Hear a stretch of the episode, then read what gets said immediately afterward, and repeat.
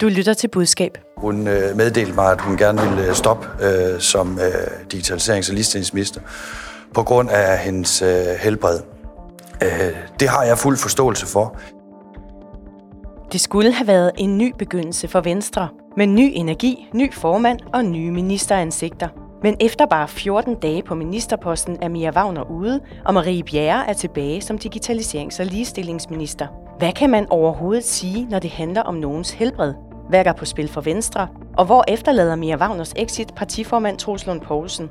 Velkommen til Budskab, Fagblad Journalistens podcast om kommunikation, i et afsnit, hvor vi skal tale om nogle af dem, der har haft et hårdt år i 2023. Vi skal også tale om en af landets hemmelige tjenester, som har sat ild til LinkedIn med et klassisk julestunt. Mit navn er Marie Nyhus, og jeg er som altid i selskab med to erfarne kommunikationsrådgivere. Det er dig, Tine Lund Bredlav, direktør i bureauet White Cloud og tidligere blandt andet særlig rådgiver for de radikale smagende Hjelved. Velkommen. Tak skal du have. Og så har vi dig med, Emil Nielsen, pressechef hos Danmarks Naturfredningsforening og tidligere pressechef hos Enhedslisten. Velkommen til dig. Tusind tak. Vi skal lige først høre, hvor I helst eller nødest vil være rådgiver i denne her uge. Emil, hvor vil du helst være? Jamen, øh, jeg tænker, det må være sådan lidt optur at være pressechef over Justitsministeriet i de her dage.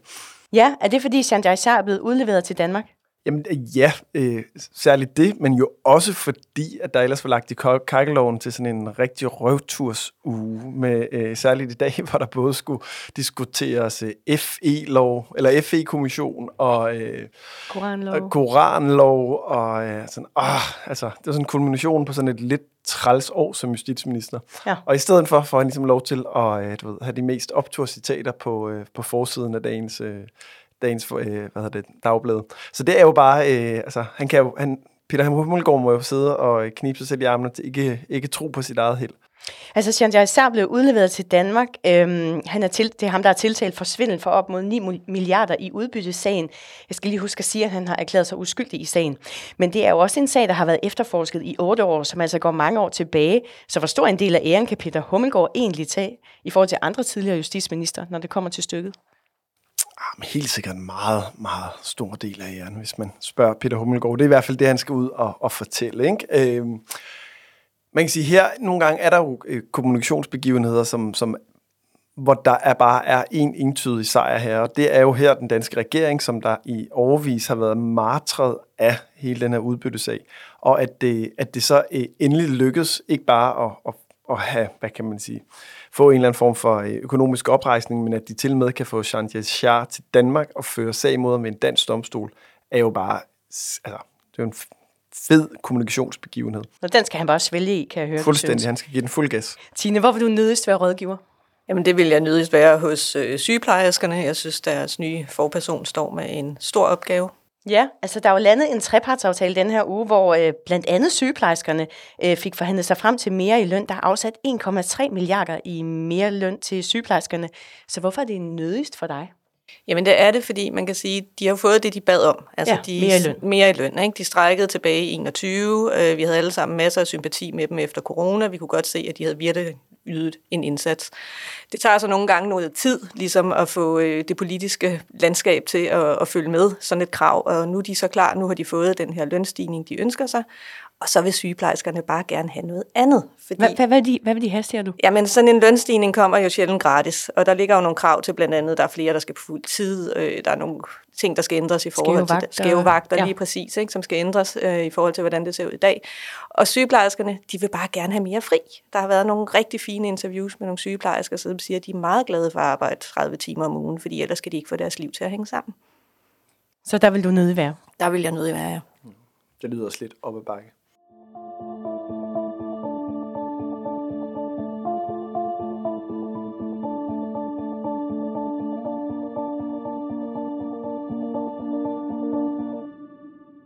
Da Trusund Poulsen udnævnte erhvervskvinden Mia Wagner til digitaliserings- og ligestillingsminister, blev hun beskrevet som noget af et trumfkort. En uge efter fredag meddelte statsministeriet i en pressemeddelelse, at Mia Wagner tager sygeoverlov. Den nytiltrådte digitaliserings- og ligestillingsminister Venstrekvinden Mia Wagner er i dag blevet sygemeldt. Hun er sygemeldt på ubestemt tid efter et alvorligt ildbefindende i sit hjem. For kun en uge siden blev hun præsenteret som ny minister. Mia Wagner var sidste torsdag overraskende en del af Venstres rokade. Økonomiminister Stefanie Lose overtager Mia Wagners opgaver, mens hun er sygemeldt. Emil, du har fortalt mig, at du tænkte stakkels Venstre, da du hørte om sygemeldingen. Hvorfor var det din første tanke? Fordi det jo bare er øh, endnu en nedtursbegivenhed i en lang række af andre nedtursbegivenheder for Venstre. Øh. Og så øh, kan man sige, Mia, Mia Wagners sygemelding var jo også sådan en slags genindspilning af sådan de der smerter, der er forbundet med den der regeringsdeltagelse.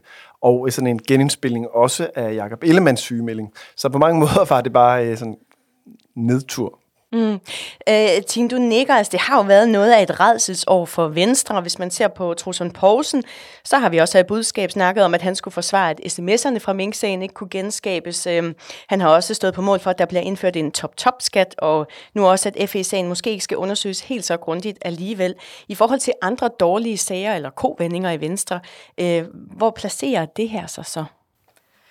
Jamen, jeg synes, der er, øh, der er det, der handler om politik, og så er der det, der handler om, hvad skal vi sige, branding af Venstre, profilmæssig branding af Venstre. Og Truls Lund Poulsen er jo trådt ind i rollen som formand nu, som ny stærk mand. Han skal få øh, Venstre øh, på den gode side af 10% vælgertilslutning igen. Øh, han skal også gerne markant højere op. Samtidig så står han nu i en situation, han kommer med det her trupkort. Øh, jeg tror, Emil han sagde, da vi lige sad og sludrede før, at han skal også på en måde vise, at Venstre er andet end øh, sort landbrugspolitik. Ikke? Så mm. kommer han med, med, hvad hedder det, Mia Wagner. Mm. Øh, hun skal ligesom trække byfolket, øh, de unge kvinder, der går ind for ligestilling, øh, har en erhvervsprofil til sig. Og så bliver hun sygemeldt efter en uge. Det er bare ikke et ønskescenarie for en ny partileder, som skal vise, at han har sat sit nye hold, og nu kører vi. Mm. Hvis vi lige kigger på den kommunikation, som partiet Venstre gik ud med øhm, i forbindelse med sygemeldingen, der gik øhm, Trusund Poulsen ud med en skriftlig kommentar, hvor han sagde, jeg er dybt berørt over, at Mia Wagner er blevet sygemeldt efter et alvorligt ildebefindende i sit eget hjem. Jeg har talt med Mia. Hun er i gode hænder med sin familie, og nu skal hun tage den tid, hun har brug for til at blive ordentligt udredt, så hun kan blive rask igen. Og så øh, samtidig postede Mia Wagner et opslag på Instagram med et billede, hvor hun ligger i en sygehusseng, hvor hun skriver, jeg er selv gået til opgaven med fuld styrke og stærk vilje, men nogle gange trodser kroppen viljen. Så beskrev hun også det her med, hvordan hun var besvimet foran sin datter og sine to søstre, og at hun nu øh, var i udredning, øh, og fortalte også øh, om en pacemaker, hun fik indopereret for fem øh, år siden. Tina, hvad tænker du om det Instagram-opslag, som kom der? Jeg synes, det er et meget privat Instagram-opslag. Altså, vi er helt med inde i sygesengen. Øh, vi ser hende ligge med slanger og måleinstrumenter osv. Øh, og jeg synes, der er sådan en hård, fin balance for politikere mellem, hvad der er privat øh, og hvad der er personligt. Og jeg synes simpelthen, hun overskrider den her privatsfære her, fordi når man inviterer folk så tæt på, så åbner det også for en masse spørgsmål, som det kan være svært at glide af på senere, hvis man ikke har lyst til at svare. Men er det på grund af billedet alene? Jamen, det er en kombination af, af billedet og, og den tekst, der er med, ikke? Altså, men det er især billedet, jeg synes, der, der fylder rigtig, rigtig meget. Mm. Emil, hvad tænker du om, om den kommunikation, som Venstre gik ud med, da hun sygemeldte sig? Men jeg tror, det her det er jo en kommunikationspodcast, så man skal jo også øh, være lidt forsigtig med at, at blande den politiske analyse ind i det. Øh, og jeg synes egentlig, når jeg sådan kigger på kommunikationen fra Venstre, både for Troelsen Poulsen, men også for, for Mia Wagner, øh, og Marie Bjerre, som vi formentlig kommer til at snakke det kommer, ja. Mm. Øh, jamen, så synes jeg, at det har været helt efter både. Jeg, jeg, jeg deler egentlig ikke den der øh, altså, bekymring i forhold til Mia Wagners opslag. Jeg, jeg, jeg, jeg, jeg kan godt lide politikere, der du ved, bare kommunikerer om, hvordan tingene er. Og hun har følt et behov for at lægge et billede af, at hun var syg og, og forklare sig. Det synes jeg også, at det, altså, det er jo hendes eget valg. Det virkede fint for mig. Det, det er ikke noget, jeg slog mig på. Fordi, øh, som du siger, øh, nu er Marie Bjerre tilbage på posten som digitaliserings- og ligestillingsminister. Hun og Troels Lund, de holdt en doorstep øh, her torsdag på Christiansborg. Uh, Mia Wagner var en stærk profil, en stærk profil, men altså ikke længere en del af ministerholdet. Det er jeg ked af, men sådan må det være. Når det så er sagt, så er jeg jo glad for, at Venstre har rigtig gode kræfter, og som i jo ved, så lavede vi en rokade for 14 dage siden, og der går jeg også meget ud at sige, at den rokade var et tilvalg for at få et, et bredere hold. Derfor øh, har vi så heldigvis også mulighed for nu, at øh, jeg kan byde velkommen til Marie Bjerre igen. Hvordan tager Trusund Poulsen sig ud, efter han først har gjort Mia Wagner til minister, og så altså nu trækker Marie Bjerre tilbage i ministeriet? Men altså, jeg, altså det efterlader jo et enormt øh, kaotisk og kikset indtryk hos vælgerne og offentligheden. Øh, men, og det er jo lidt vigtigt her, fordi vi forholder os til deres kommunikation, jeg kan ikke se, hvad han kunne gøre anderledes. Jeg synes, nu sad jeg og så øh, det her improviserede doorstep i morges. Jeg synes, det, altså, det var helt efter både. Jeg synes, de klarede det super fint. Øh, der var ikke for meget kommunikation, der var tilpas kommunikation, og jeg synes, de, de ramte den rigtige sådan, tonalitet øh, i forhold til at have lidt respekt for, at her var også en, en kvinde, der var syg, og det kan man sige, det er jo, det efterlader jo nogle, nogle, nogle, nogle rammer for, hvordan man kan kommunikere om det, som er forholdsvis tight. Mm. Øh, så så øh, jeg synes, kommunikationen efter bogen, det efterladte indtryk af Venstre i regeringen, er kun blevet dårligere. Hvorfor det? Jamen, fordi at, øh, altså, Tine var jo inde på det, Venstre er jo øh, i et, altså, en ny fase, hvor de skal genopfinde sig selv, og de skal øh, overbevise vælgerne om, at øh, det var en god beslutning at gå i regering. Øh, øh, de skal bevæge sig fast op på ikke bare de 10 procent, men jo også formentlig øh, højere op på at være et, et, et stort parti igen, og det er man altså ikke, når man ligger der og, og, og fedter rundt under 10 procent, særligt ikke i Venstre selvforståelse. Så de har jo en kæmpe opgave foran sig, og der var Mia, Mia Wagner et et godt kort og sindssygt godt tænkt, og at hun holder en uge, det er jo altså en, en regulær katastrofe. Hvis man bruger en, en sportsmetafor, så svarer det jo lidt til du ved, Manchester United, der ligger og du ved, sejler rundt øh, langt nede øh, i placeringen i Premier League, og, og kæmper for at komme op og blive en stor klub igen, og så laver de en kæmpe sejning, så som der så bliver skadet på du ved, første træningspas og ikke kommer med til de næstkommende kampe. Altså, så det er jo bare øh, kæmpe øvetur for at bruge det ord igen, for Venstre. Der var rokade for 14 dage siden, så var Marie Bjerre sådan en uh, tro partisoldat, synes jeg godt, vi kan sige, som på den ene side var meget tydeligt berørt af at måtte stoppe som minister, men som samtidig også sagde, at formanden sætter det bedste hold. Og den udtalelse, den blev hun også spurgt ind til uh, i dag. Er ministerholdet så igen blevet dårligere med dig på holdet? Jamen, den, der har den, har den. Øh, og nu er det mig, der har opgaven, og jeg kommer til at løfte den efter bedste evner. Jeg går til den med ydmyghed, og jeg gør alt, hvad jeg kan for at løfte den her opgave. Kan Venstre undgå, at det her kommer til at ligne lidt en rodebutik? Ej, det synes jeg er svært. Det ligner en rodebutik. Det ja. er en rodebutik. Og hvad får det til at ligne en rodebutik, når I synes, de egentlig klarer kommunikationen meget godt? Jamen, øh, det er jo lidt det her, Emil er inde på med øh, efterindtrykket. Altså, man skal også passe på med den politiske analyse, fordi nu snakker vi kommunikation, og jeg er meget enig med Emil i, at de har kommunikeret snorlige. Altså, jeg synes, øh, hvis vi skal give toppoint til nogen i den her situation, så er det Marie Bjerre, som øh, både laver et meget, meget elegant exit, også lige for sagt til dronningen, øh, at hun fik sagt på gensyn, da hun var inde og tak af, og hun havde nok ikke regnet med, at det var øh, så hurtigt, at hun skulle ind og sige goddag igen. Øhm, men det er jo et rodet indtryk af, at man prøver at sætte et tophold, og så har man ikke helt styr på. Man har ikke lavet sin due diligence godt nok. Altså, fordi jeg tænker, der er mange, når de bliver ringet op, så vil de gerne sige, være ministre. Men man er også nødt til at huske på, at det er hårdt. Det er et rigtig, rigtig hårdt job at være minister. Der er rigtig meget arbejde, og politik er også en kontaktsport. Og man bliver ikke skånet, bare fordi man er ny minister. I hvert fald ikke ret længe. Så det kræver også, at man lige tænker sig rigtig godt om i forhold til, at man kan, kan løfte den her opgave. Øh, og jeg håber selvfølgelig, at Mia Wagner ikke er alvorligt syg, og at hun kommer på benene øh, meget, meget snart. Men det efterlader også et indtryk af, at man måske ikke har været helt skarp på, hvad det er, man gik ind til. Du siger, at de har lavet en, øh, en utilstrækkelig due diligence, men kan de ikke bare have været helt vildt uheldige? Jo, selvfølgelig kan de godt have været helt vildt uheldige. Øhm, og det kan jo også være, at Mia Wagner bare er alvorligt syg. Men man kan jo ikke helt se sig fri for at kigge ind i, at hun også tidligere har været i en situation, hvor hun har været ramt af meget, meget alvorlig stress. Øh, og når det er, at man laver sådan en uvidenskabelig øh, undersøgelse, som jeg lavede øh, inden jeg tog herind ude i, i folkedybet, øh, så får man det svar, der hedder, ah, helt ærligt, det kan da ikke være rigtigt. Jeg skal lige sige til sidst, at Venstre har ikke ønsket at kommentere deres kommunikation.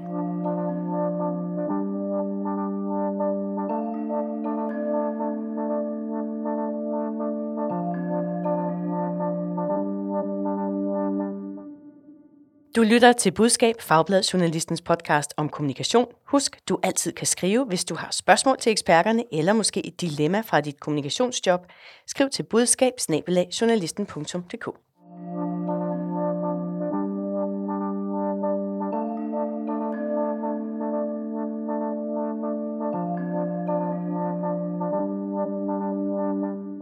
Tine og Emil. Kan I gætte, hvad har Venstres Ungdom, Dansk Sygeplejeråd i Syddanmark og PET til fælles? De har udlået en kop.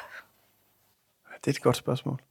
Pas. Men jeg vil sige, Tina er så tættest på, kan man sige. Men hun er også super skarp, det hun altid været. De har det til fælles. De har alle sammen øh, gang i en julekalender med præmier på sociale medier. Og nu skal vi snakke om den, som øh, PET har sat gang i. De kører en julekalender på LinkedIn, hvor de hver søndag frem til jul uddeler fem PET-kopper. For at være med i lodtrækningen, så skal man svare på et spørgsmål om PT. De teasede for deres adventskalender torsdag i sidste uge på LinkedIn med et billede af PET-kopperne og teksten. Vil du drikke morgenkaffe af en PET-kop? En af de eksklusive PET-kopper kan blive din, når din PET, når PETs adventskalender på LinkedIn går i gang. Og så lover de, at koppen er den kedelige version uden indbygget mikrofon. Øh, jeg har spurgt hos PT, hvorfor de har lavet julekalenderne. De har ikke ønsket at give et interview om det, men de skriver i en mail til mig, at i PT ser vi LinkedIn som en oplagt mulighed, ligesom mange andre arbejdspladser, til at fortælle, hvordan det er at arbejde i PT, da også PT har et rekrutteringsgrund, rekrutteringsbehov og et ønske om at tiltrække dygtige medarbejdere. Martine, så kan jeg jo spørge dig, hvad får PT ud af sådan en adventskalender? Jamen, de får jo noget positiv opmærksomhed. Altså, og det er jo sådan på øh, LinkedIn, at hvis øh, folk kommenterer, så får man, øh, bliver man belønnet af algoritmerne. Det kan algoritmen godt lide. Det kan ja. de godt lide, ikke? Mm. og så når man rigtig, rigtig bredt ud. Så man kan sige, det er også en mulighed for dem nemt at komme i kontakt med en masse mennesker, som de muligvis ikke har berøring med til Mm. daglig. Mm. Men du har fortalt mig, at du selv engang har haft succes med sådan en uh, digital uh, julekalender. Hvad, hvad er det højeste, man kan... Kan, kan du lige fortælle om den julekalender? Hvad opnåede I der, og hvor var det henne? Jamen, jeg var kommunikationschef øh, på Femern-projektet, den tunnel, der nu er ved at blive bygget til Mhm. mm. Tyskland. Det var mm. den ikke dengang, og vi havde ligesom behov for øh, at holde gang i nogle øh, positive fortællinger midt i en masse stormvejr omkring det her projekt. Øh, så vi lavede sådan en, en julekalender med viden om Femern-tunnelen. Øh, sådan noget, hvor lang var den, hvor mange tunnelelementer bestod den af. Vi spurgte ikke til, hvor meget den kostede. Øhm, og så, også, øh, så udløjede vi en, øh, en julekurv med øh, lokale råvarer nede fra Lolland. Ikke? Og det blev bare en gigantisk succes. Altså, vi brugte sygt meget tid på i december og sidde og se, hvor man havde svaret rigtigt, og hvor mange rigtige havde de, og så videre. Fordi folk, de engagerede sig bare i det på en helt anden måde, end øh, når vi skrev om, at øh, transportministeren nu havde givet tilsavn om at øh, forlænge projektperioden, eller hvad det nu var, vi Mm. ellers øh, gik og, og kommunikerede. Så vi fik jeg havde det udtryk, nu bruger jeg det alligevel. Vi fik den almindelige borger i tale, som lige pludselig begyndte at synes, at det her projekt faktisk var, var interessant. Og vores øh, følgerskare, både på LinkedIn og Facebook, den kørte begge steder, voksede markant i den periode. Mm.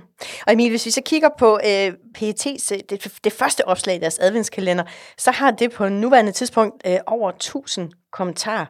Øh, hvor vildt er det? Men altså, jeg er jo sådan en... Øh, jeg, jeg har jo op, opfundet, øh, eller, eller opdaget LinkedIn sådan lidt sent i mit arbejdsliv, så det er jo sådan inden for det, for det sidste halve år, at jeg er begyndt at synes, LinkedIn er sjovt.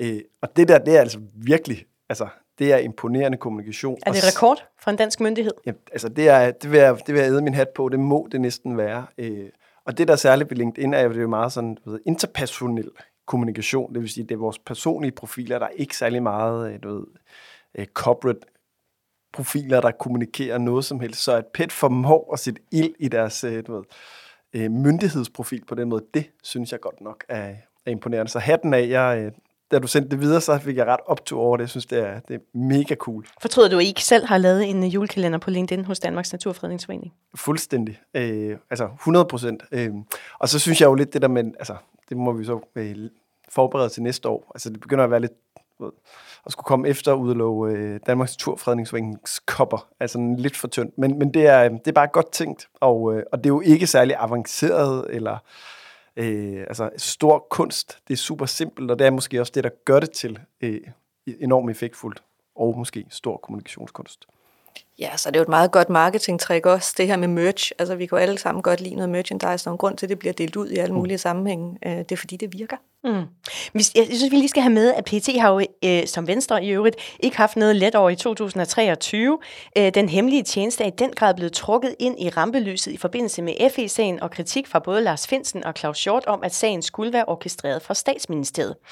PT har selv været ude med en pressemeddelelse om, at de på ingen måde har været spændt for en politisk vogn i sagen. Det var noget, vi talte om for nogle uger siden i budskab, hvor hverken Steffen Hjaltelin eller Nana Vestgaard var imponeret over PT's kommunikation. og så er man altså ude og sige, jamen prøv at høre, der er ikke noget øh, at komme efter den her sag. Problemet er jo, at det kommer så sent, at det bliver sådan lidt, I'm not a crook. Altså, at man øh, kommer til at tænke, hvorfor siger de det? Det er særligt problematisk i en sag, hvor man er oppe imod en fortælling om, at embedsværket faktisk har været politiseret eller styret fra politisk hold, og så siger vi, det er i hvert fald ikke, men nu vil vi godt være politikere alligevel. Altså, de har haft en, en, en ret dårlig sag her. Øh, så øh, nu er I begge to er så begejstrede for deres adventskalender, så vil jeg jo gerne høre, kan PET's adventskalender overskygge den kritiske FE-sag? Nej, det, selvfølgelig, selvfølgelig kan den ikke det. Øh, men det er jo altid sådan, når man er i kriser, øh, så skal man jo øh, prøve at grave sig lidt op af det der hul, og det, og det består af jo enormt mange forskellige elementer, og noget, altså et af de elementer, det er jo også, at man på en eller anden måde får etableret noget positiv energi øh, om sig selv som, som organisation eller virksomhed. Øh, altså, og, og det gør det her jo i en lille grad, men jeg synes jo egentlig bare, det, det, det skulle meget, meget godt tænkt, hvis det er tænkt sådan, øh, som en del af deres sådan samlede krisekommunikation for at genetablere tilliden øh, hos den brede befolkning. Øh, fordi det er jo med til på en eller anden måde at, øh, at efterlade sådan et, altså genetablere en eller anden forbindelse til, til hvad det der pet er, ikke? Øh, og, at, og det ikke er så, så du ved, ondskabsfuldt og øh, en masse killermennesker, der sidder og, øh, og, og prøver at bedrive øh, øh, mørk efterretningsvirksomhed. overvåger, ja. Overvåg. Men at det ligesom, altså, kan man sige, det er jo det, der ligger som, som en del af deres slag i deres kommunikation, er jo også sådan noget, du ved, myteboster om PET, ikke? Altså, gæt hvor mange øh, forskellige professioner, der er ansat i PET. Ja. Og det er jo sådan med til at efterlade et indtryk af, okay, måske er der øh, en masse spændende kompetencer i den der efterretningstjeneste, som ikke kun er spioner. Ja, jeg tror også nogle gange, der er noget med at, at skille øh, tingene ad, ikke? fordi os, der sidder her, vi har været ret optaget af den her øh, efterretningsskandale. Hvis man ser på, hvor mange øh, ansøgere øh, FE fik her for nylig, da de kørte en øh, ret cool employer branding Som kampagne. også har fået ros her. Som ja. har fået rigtig meget Mm. ros her også. Der fik de jo vanvittigt mange ansøgere, og det var samtidig med, den her sag kørt. Altså, så man kan sige, der er også flere forskellige lag i kommunikationen. Der er noget employer branding, der er noget generelt publicity. De får også det ekstra ud af det, at vi nu sidder og snakker om den her sag. Så de, som Emil siger, de får også noget positiv omtale, ikke kun på sociale medier, men også af sådan nogle eksperttyper, der sidder og synes, de gør det godt. Ikke? Og det, det må også lune lidt her i den varme juletid. På en eller anden måde kan det være et element i en genopbygning, hører jeg jer sige. Men spørgsmålet er jo så, hvem får mest ud af at lave julekalendere som denne her? Og I har fået lektie for. Øh, Jeg har bedt jer om at rangordne, hvem for, ville få mest ud af en julekalender med en kop som præmie på sociale medier. Og de tre, som jeg har bedt jer om at rangordne, det er Sydøstjyllands politi, som også har haft et hårdt år, som kunne udlove kopper med deres logo. Eller kandidat nummer to, det er Coop, som kunne udlove kopper med øh, Irma-logo. Øh, og så øh, kandidat nummer tre er Vurderingsstyrelsen, som har stået for øh, ejendomsvurderingerne og har, har haft et hårdt år med det. Øh, ved ikke, Tine, skal vi tage din rangordning først? Hvem, hvordan placerer du de her tre? Hvem får mest ud af at lave en julekalender med kopper? Jeg vil hellere starte bagfra, hvem Så- jeg synes får mindst så ud du af tager det. den bagfra, det er fint. Øh, Ja, og det synes jeg ville være Vurderingsstyrelsen, fordi jeg synes simpelthen, de har så gigantisk en møgssag med de her ejendomsvurderinger. Og det er en sag, som rører direkte ned i pengepunkten øh, hos rigtig mange danskere, så de kan ikke slippe afsted med øh, at udlåde en kop for at skabe lidt mere goodwill. Den vil det er blive for simpelthen- tyk. Det er simpelthen for tæt på. Ja, hvem har du på din tredje plads, Emil? Jamen, øh, øh, jamen det er, jeg, har Østjyllands politi, ja. og, og, det, og af den simple grund, at øh, altså, hvis man står i så meget lort til halsen, at man øh, tydeligt, altså alt for tydeligt prøver at lave en eller anden afledningsmanøvre, jamen så backfire det. Og jeg, jeg kan love jer for, hvis de gik ud nu lokalt i Vejle og omegn og udlovede en, en kop, jamen så hele deres kommentarspor vil være øh, altså, flyde over med altså, kritiske kommentarer. Nogle gange, når man virkelig står i lort til halsen, så skal man lade være med at kommunikere. Men det er vel lidt samme grund som Tines, og den vil være for tyk på en eller anden måde. Det vil, ja, det vil være for, det vil være for tykt, men, men også, at de, at de, har, altså, de er ikke et sted, hvor de er på vej videre fra deres krise. De er i deres krise, og for mig så har de jo ikke prøvet at håndtere den. Vi har diskuteret det meget også øh, i, i det her Mm. program. Men, lad os gå til andenpladserne. Super. Hvem har du på din anden plads? Jamen, så har jeg, øh, så har jeg Vurderingsstyrelsen Og, og, med, med lidt de samme argumenter. og Tine? Ja, men jeg har Sydøstjyllands politi på min anden plads. men, men så skal jeg høre, fordi så kan vi jo regne ud, at I begge to har Coop med Irma-koppen på jeres øh, første plads. Hvorfor vil det være en vindersag? Jeg ved ikke, om jeg synes, det decideret vil være en vindersag, men altså, hvis de kørte den ud med hjemmepigen på, så elsker vi alle sammen hjemmepigen, og så vil det være rigtig rart at have klenod- klenodie stående øh, hjemme på, på hylden.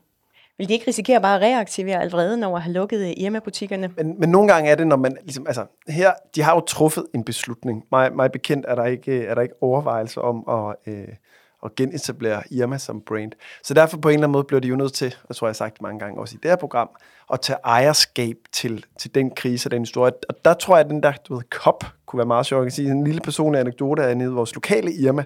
Øh, der har de solgt, øh, solgt deres sådan noget t-shirts og tøj, øh, som de havde på lageret. Det er, det, er de, det er de solgt fra. Og jeg ved, altså min, min knægt på 12 år, han har været nede og få sådan en Irma, Irma t-shirt, som han stolt går med. Det er total kitsch og cool øh, i 6. klasse på Så de har de mest eftertragtede kopper af de her tre kandidater? 100 procent. Jeg vil gerne have sådan ja. en hjemmekop. De kunne tjene penge på det måske. Det vil jeg også gerne. Mm. Jeg vil også gerne have en petkop. Ja.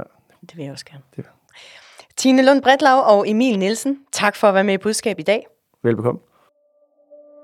Du lyttede til Budskab, Fagbladet Journalistens podcast om kommunikation. Mit navn er Marie Nyhus. Jeg er redaktør og vært på Budskab. Rakkerpak Productions står for lyd og teknik. Tak til Karen Marie Bumholdt Ries for at styre knapperne og alt muligt andet i studiet i dag. Du hørte klip fra DR, TV2, P1 og TV2 News. Husk, at du altid kan skrive, hvis du har input eller idéer. Skriv til budskab